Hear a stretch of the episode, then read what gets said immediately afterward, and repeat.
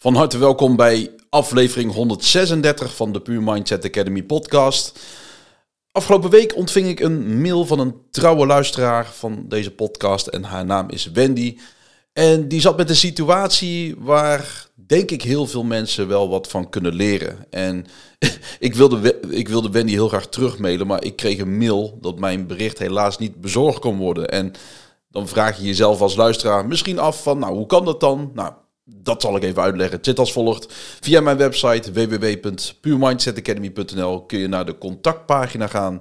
Nou, dan vul je dan je naam en e-mailadres in en typ je vervolgens jouw vraag of bericht of whatever. En ik krijg dan via het websitesysteem een melding dat ik een mail heb ontvangen via de website en ik kan daar vervolgens dan op reageren. Maar als mensen een verkeerd e-mailadres invullen in het formulier, zoals dat in technische termen heet, dan komt die mail dus niet aan die ik wil verzenden. Dus ik heb besloten om de mail via deze podcast te beantwoorden. Eh, en in de hoop dat Wendy het eh, ook hoort en er iets mee kan. Dus ik wens je heel veel luisterplezier en inspiratie met deze podcastaflevering. Dit is de Pure Mindset Academy podcast. Pure Mindset Academy podcast. De podcast over alles op het gebied van mentale gezondheid, mindset en persoonlijke ontwikkeling. Aangevuld met boeiende verhalen, situaties en gebeurtenissen uit mijn eigen persoonlijke leven. Pure Mindset Academy podcast. Met Jerik van Nune.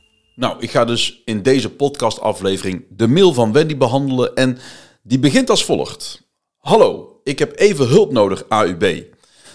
Nou, Persoonlijk vind ik dit wel meteen een aparte opening. Uh, met een beetje dwingende toon. Als ik dan toch een keer mijn eigen mening mag geven. Want je weet als je trouw naar deze podcast luistert dat ik dit niet heel vaak doe. Maar ja, persoonlijk vind ik niet dat je een mail begint uh, met... Uh, ja, hallo, ik heb even hulp nodig, AUB. Voor mij komt het dan veel vriendelijker over als je bijvoorbeeld zegt met... Of als je bijvoorbeeld begint met... Hoi Erik of beste Jirik. En vervolgens, nou, ik zit met een bepaalde situatie waarvan ik niet goed weet hoe ik ermee om moet gaan. Zou je mij hiermee alsjeblieft kunnen helpen? Kijk, dat komt dan heel anders over dan, hallo, ik heb even hulp nodig, AUB. Maar goed, dit is communicatie. En de kwaliteit van je communicatie bepaalt voor een groot deel ook de kwaliteit van je leven. Dit zijn niet mijn eigen woorden, dit zijn de wijze woorden die ik heb geleerd de afgelopen jaren van Michael Pilagic. En uh, ja, dat is voor mij persoonlijk een hele waardevolle en ook een hele wijze levensles geweest. Goed, dat wat betreft de opening. Ik ga verder met de introductie. Ik luisterde jouw podcast Hoe ga ik om met tegenslagen en waarom het zo belangrijk is om fouten te maken om het te helpen me iets beter te voelen over de volgende situatie. Daar komt hij. Ik kocht met mijn vriend een appartement. En we gingen boven de vraagprijs onmiddellijk, omdat we dachten, uh, en daar heb je het al gelijk, hè, dachten, uh, ja, door de markt en zo, maar dat was veranderd. Dat is zo erg. We betaalden wel 10.000 euro te veel. Zeker, het botformulier, er staat er dan tussen haakjes, het botformulier was zo gestuurd uh, schadevergoeding zou nog meer zijn. Het is een beetje onduidelijk, dus ik zeg altijd tegen, uh, tegen mensen: uh, probeer zo duidelijk en helder mogelijk je probleem te omschrijven. Zo kort en krachtig mogelijk. Ga er niet omheen draaien. Er staat heel veel tussen haakjes, ook, ook heel veel spellingsfouten. Dus ik heb daar echt wel me even in moeten verdiepen. Maar het is uiteindelijk gelukt. Ehm, ik, ik pieker me al weken gek. Gek, echt gek. Tussen haakjes, het is zo erg. Zo erg van mijn geld. Ik kan het niet uit mijn hoofd doen. Mijn hoofd barst. Ik slaap er niet door. Veel minder goed. Uh, vanaf het moment dat het bod aanvaard was, zag ik hoe klein het appartement wel is. Enzovoort, enzovoort. Hoeveel geld ik verspilde door mijn eigen schuld. Dit is echt een dobber. Grote dobber. We geven de, we geven de verkoper zomaar dit extra geld. Hij is wel content. Anders komt het goed doordat ik weet wat eruit te leren voor een volgende keer. En komt het wel beter, maar we gaan nooit een woning kopen. Tussen haakjes, deze is om te verhuren. Ik, uh, tussen haakjes, we kwamen er ook achter dat de notariskosten wel erg hoog zijn bij een tweede woning voor ons. Uh, tussen haakjes wist dat, veel, wist dat het veel was, maar uh, niet zoveel. Nou, wat kan ik nu het beste doen? Sorry, het lukt me niet hier wat rust in te vinden. Verder ben ik zuinig met alles. een brood, alles, alles. Dank je, sorry, groetjes Wendy, dank. Nou, Wendy, allereerst hartelijk dank voor je mail. En fijn dat je de tijd hebt genomen om jouw gevoelens en frustraties uh, via deze weg te uiten, zodat jij er hopelijk deels vanaf bent. En ik samen met jou via deze weg uh, alles kan gaan evalueren wat er nou precies in jouw mail staat. Uh, nou, uh, leuk dat je naar mijn podcast ook luistert. Hè? De, dat de verschillende afleveringen uh, die je hebt geluisterd, dat die je hebben geïnspireerd. En ja, vervelend dat je door een voor jou verkeerde keuze tijdelijk geen rust in, hebt in je hoofd. En dat je wakker ligt van een, ja, een bepaalde keuze die je hebt gemaakt. En die dus blijkbaar nogal wat impact op jou heeft gemaakt. Nou, je vraagt aan mij wat je het beste, wat je het beste kunt doen. Nou, vooropgesteld, ik zeg nooit wat je moet doen. Want dat doet een goede coach niet. Een goede coach geeft nooit antwoorden, maar stelt goede levensvragen. Dus als ik naar je situatie kijk, uh, dan zou ik de volgende vragen stellen.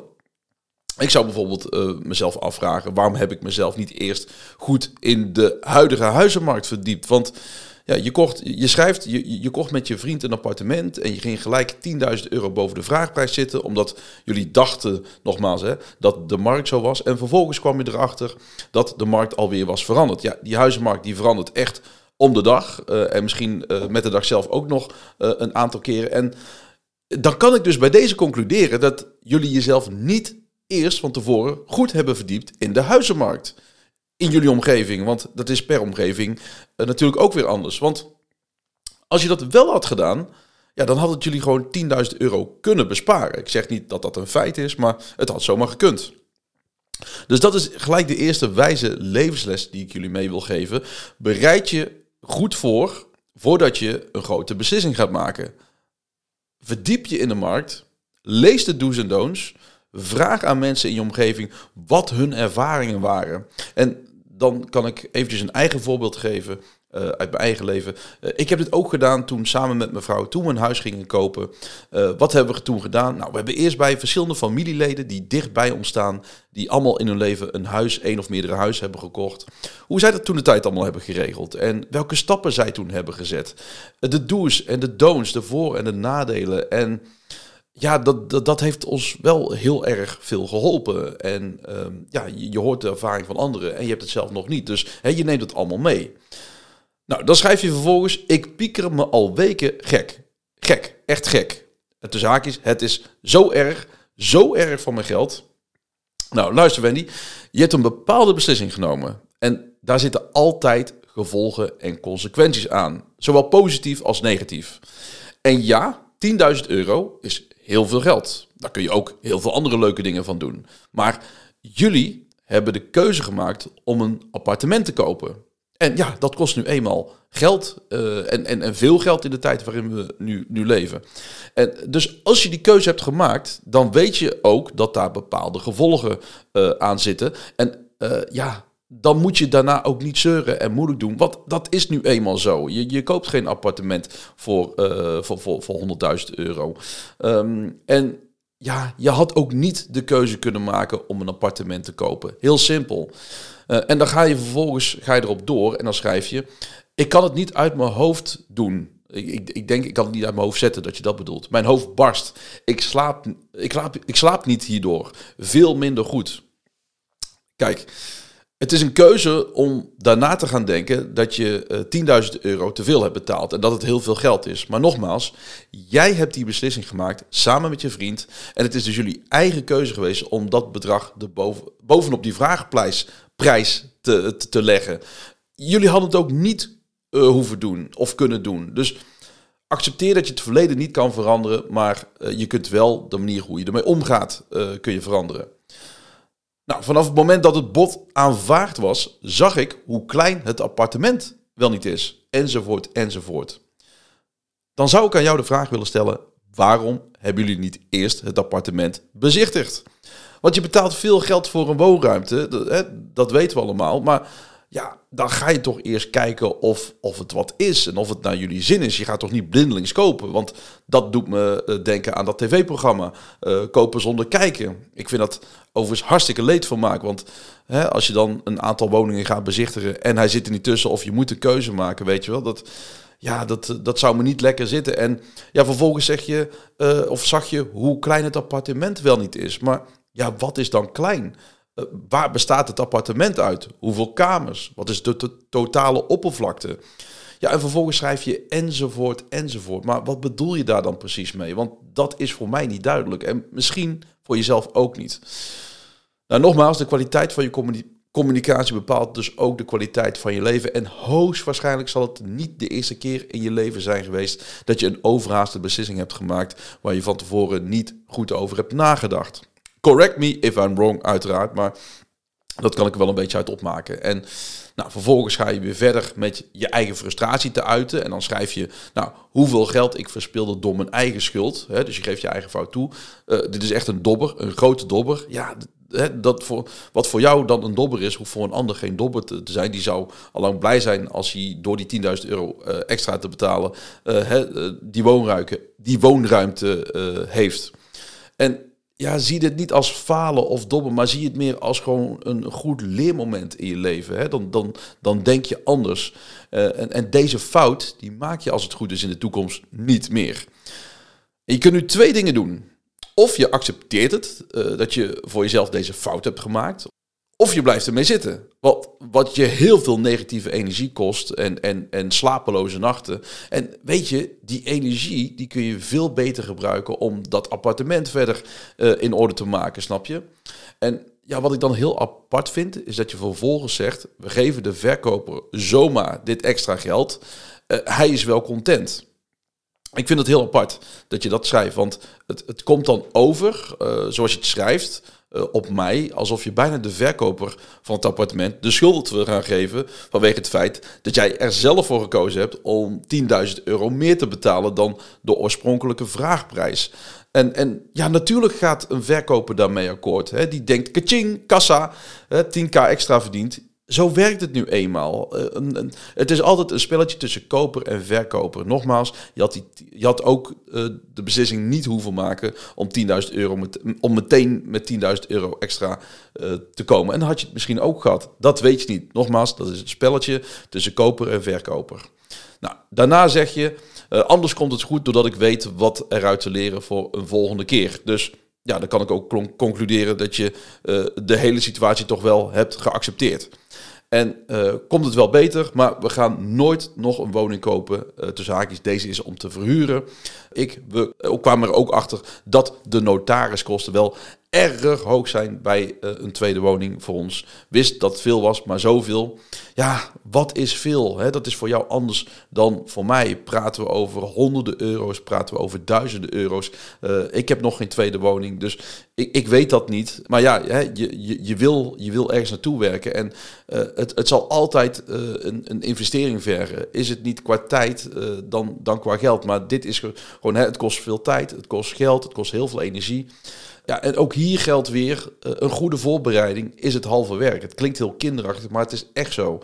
En ik weet uit eigen ervaring dat de tarieven van notar notarissen nogal uiteenlopen. En dat je niet verplicht bent om naar een notaris bij je in de buurt te gaan, in je eigen woonplaats. Dus als je voor een bepaalde situatie een notaris nodig hebt en je wilt daar niet veel kosten aan kwijt zijn, dan kan het echt lonen om uh, eens te oriënteren bij een notaris ergens ver weg. En, en, en daar naartoe te gaan, ik, ik noem het bewijs van, ik zeg altijd maar Lutjebroek, die voor een veel lager tarief uh, hetzelfde doet als een notaris in de buurt. En waardoor je dus honderden euro's uh, kunt uitbesparen. Ja, en uiteindelijk vraag je dan aan mij, wat kan ik nu het beste doen? Sorry, het lukt me niet hier wat rust in te vinden. Nou, dan stel ik de vraag aan jou, wat zou je rust geven? En, en vaak is dat in je hoofd, hè? rust in je hoofd, want je, zit, uh, je hebt slapeloze nachten, je zit continu te denken, te malen, heel negatief en ja, heel, heel um, als we kijken naar, naar de feiten en naar de situatie, dan, dan heeft zo'n situatie, die heeft een leuke kant. En, het feit is dat jullie een appartement hebben. Uh, die hebben jullie kunnen kopen, die je vervolgens weer kunt gaan verhuren. Nou, persoonlijk vind ik dat hartstikke tof. Hè? De, de, dat, dat het gelukt is, hè? Dat, dat, dat je een bepaald doel hebt gesteld. Je wilt een appartement, je wilt het gaan verhuren. Het is je gelukt. Uh, het heeft je iets meer geld gekost. Nou, zo so be. Uh, ja, en de minder leuke kant is dan dat je voor je gevoel 10.000 euro te veel hebt betaald. ja, dat je daar dan ontzettend wakker van ligt en van baalt. En ja, ik denk heel simpel accepteer de situatie zoals die is. Ga lekker het appartement verhuren. En ik neem aan dat je dat in de toekomst misschien meer wil gaan doen. Hè? Investeren in vastgoed en in stenen. Want die kunnen niet kapot. wijze levensles ook weer van Michael Pelagic. En ik, ik zit er zelf ook steeds vaker aan te denken om, om in vastgoed te investeren. Want dat is een hele interessante markt. En als laatste schrijf je, verder ben ik zo zuinig met alles. Uh, een brood, alles, alles. Ja, eh, weet je, het doet me ook denken aan de periode dat ik zelf een nieuw huis had gekocht, 2,5 jaar geleden heb ik uh, in mijn vorige podcastafleveringen ook wel een aantal keren uh, verteld en gedeeld. Ja, dat had ook voor mij financiële gevolgen. Hè? Ik, ik, ik, had, ik had behoorlijk wat spaargeld, maar dat ging er in de periode van de verbouwing super snel doorheen. Waardoor ik lichtelijk overspannen werd en, en constant eigenlijk de gedachte had, kan ik het allemaal nog wel betalen? Hè, um, het, is vervelend op het moment dat je een, een, een weer een grote uh, kostenpost hebt en je kunt dat niet betalen. En ja, er was een periode tijdens de verbouwing dat ik gewoon even niet meer uit eten kon gaan. Uh, alles in mijn winkelwagentje kon doen. Uh, dat, dat, dat was er even niet meer bij. ik liep in de supermarkt. En ik kocht echt alleen, ik moest echt alleen brood nodig hebben. Dus vlees, aardappelen en, en, en groenten. en het gebeurde regelmatig dat mijn saldo aan het begin van de maand al bijna op nul stond. Omdat ik samen met mevrouw zoveel uh, uitgaven had gedaan. En ja, dat doet pijn, maar ik wist ook dat er weer rooskleurige tijden aan zouden komen. Hè. Dat is uh, het, het, gevolg van die keuze. Maar uiteindelijk, als je op lange termijn denkt uh, en altijd in je, in je achterhoofd houdt van hè, het, gaat straks heel mooi worden. Kijk, nu 2,5 jaar later hè, um, kan ik mijn vleugels weer spreiden. Dan heb ik zoiets van, ja, dit, dit hebben we gewoon voor, voor elkaar gebokst. En, en ja, daar moet je opofferingen voor doen. En voor ons was, was dat financieel. Maar uh, nu is er weer een periode van, hè, uh, van vakanties, lekker uit eten gaan, alles weer kunnen kopen in de supermarkt wat je wil, uh, ondanks de inflatie. En dat is puur een kwestie van mindset. En ja, dan sluit je af met dank je, sorry. Ja, sorry, waarvoor? Hè, dat, begrijp, dat, begrijp, ik dan niet. Hè? Dus zou je dat, als je deze podcast luistert, Wendy, zou je, zou je dat dan naar toe kunnen lichten? Want ja, je, je, je stuurt een mail met, met, met jouw probleem of, of hè, je, je, het, hetgene waar je mee zit, de gedachte waar je mee zit. En je sluit dan af met dank je, sorry.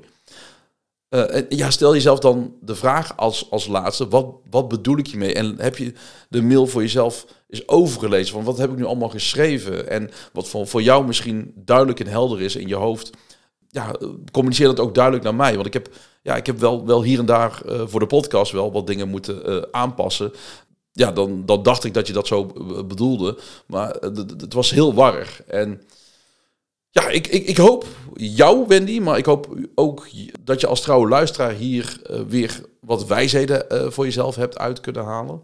Uh, en heb je ook een probleem, een, een, situatie of gebeurtenis die je graag wilt voorleggen en bespreken met mij, aarzel dan niet en mail naar jerik.puurmindsetacademy.nl. De link die zal ik in de beschrijving zetten. Dan ben ik weer aan het eind gekomen van deze podcastaflevering. Ik dank je weer heel hartelijk voor het luisteren en graag tot volgende week. Puur Mindset Academy podcast. Super tof dat je hebt geluisterd naar de Puur Mindset Academy podcast. Ik hoop dat je het waardevol vond en dat je er inzichten voor jezelf uit hebt kunnen halen die de kwaliteit van jouw leven weer naar een next level kunnen brengen. Vond je dit nou een waardevolle podcast? Dan zou ik het echt super erg waarderen als je dat zou willen delen. Enerzijds door het bijvoorbeeld te delen via jouw eigen Instagram pagina of LinkedIn door een screenshot te maken van je telefoonscherm en mij daarin te taggen. Maar wat ik nog meer zou waarderen is als je de tijd en moeite zou willen nemen om een review achter te laten. Dit kan bijvoorbeeld door op Google Puur Mindset Academy in te typen en vervolgens via de Google Review sectie iets zou willen vertellen over de Puur Mindset Academy. Wat je van mij vindt en wat je aan de podcast hebt gehad. Alvast heel erg bedankt en ik hoop dat ik jou volgende week weer mag verblijden met een nieuwe aflevering van de Pure Mindset Academy podcast.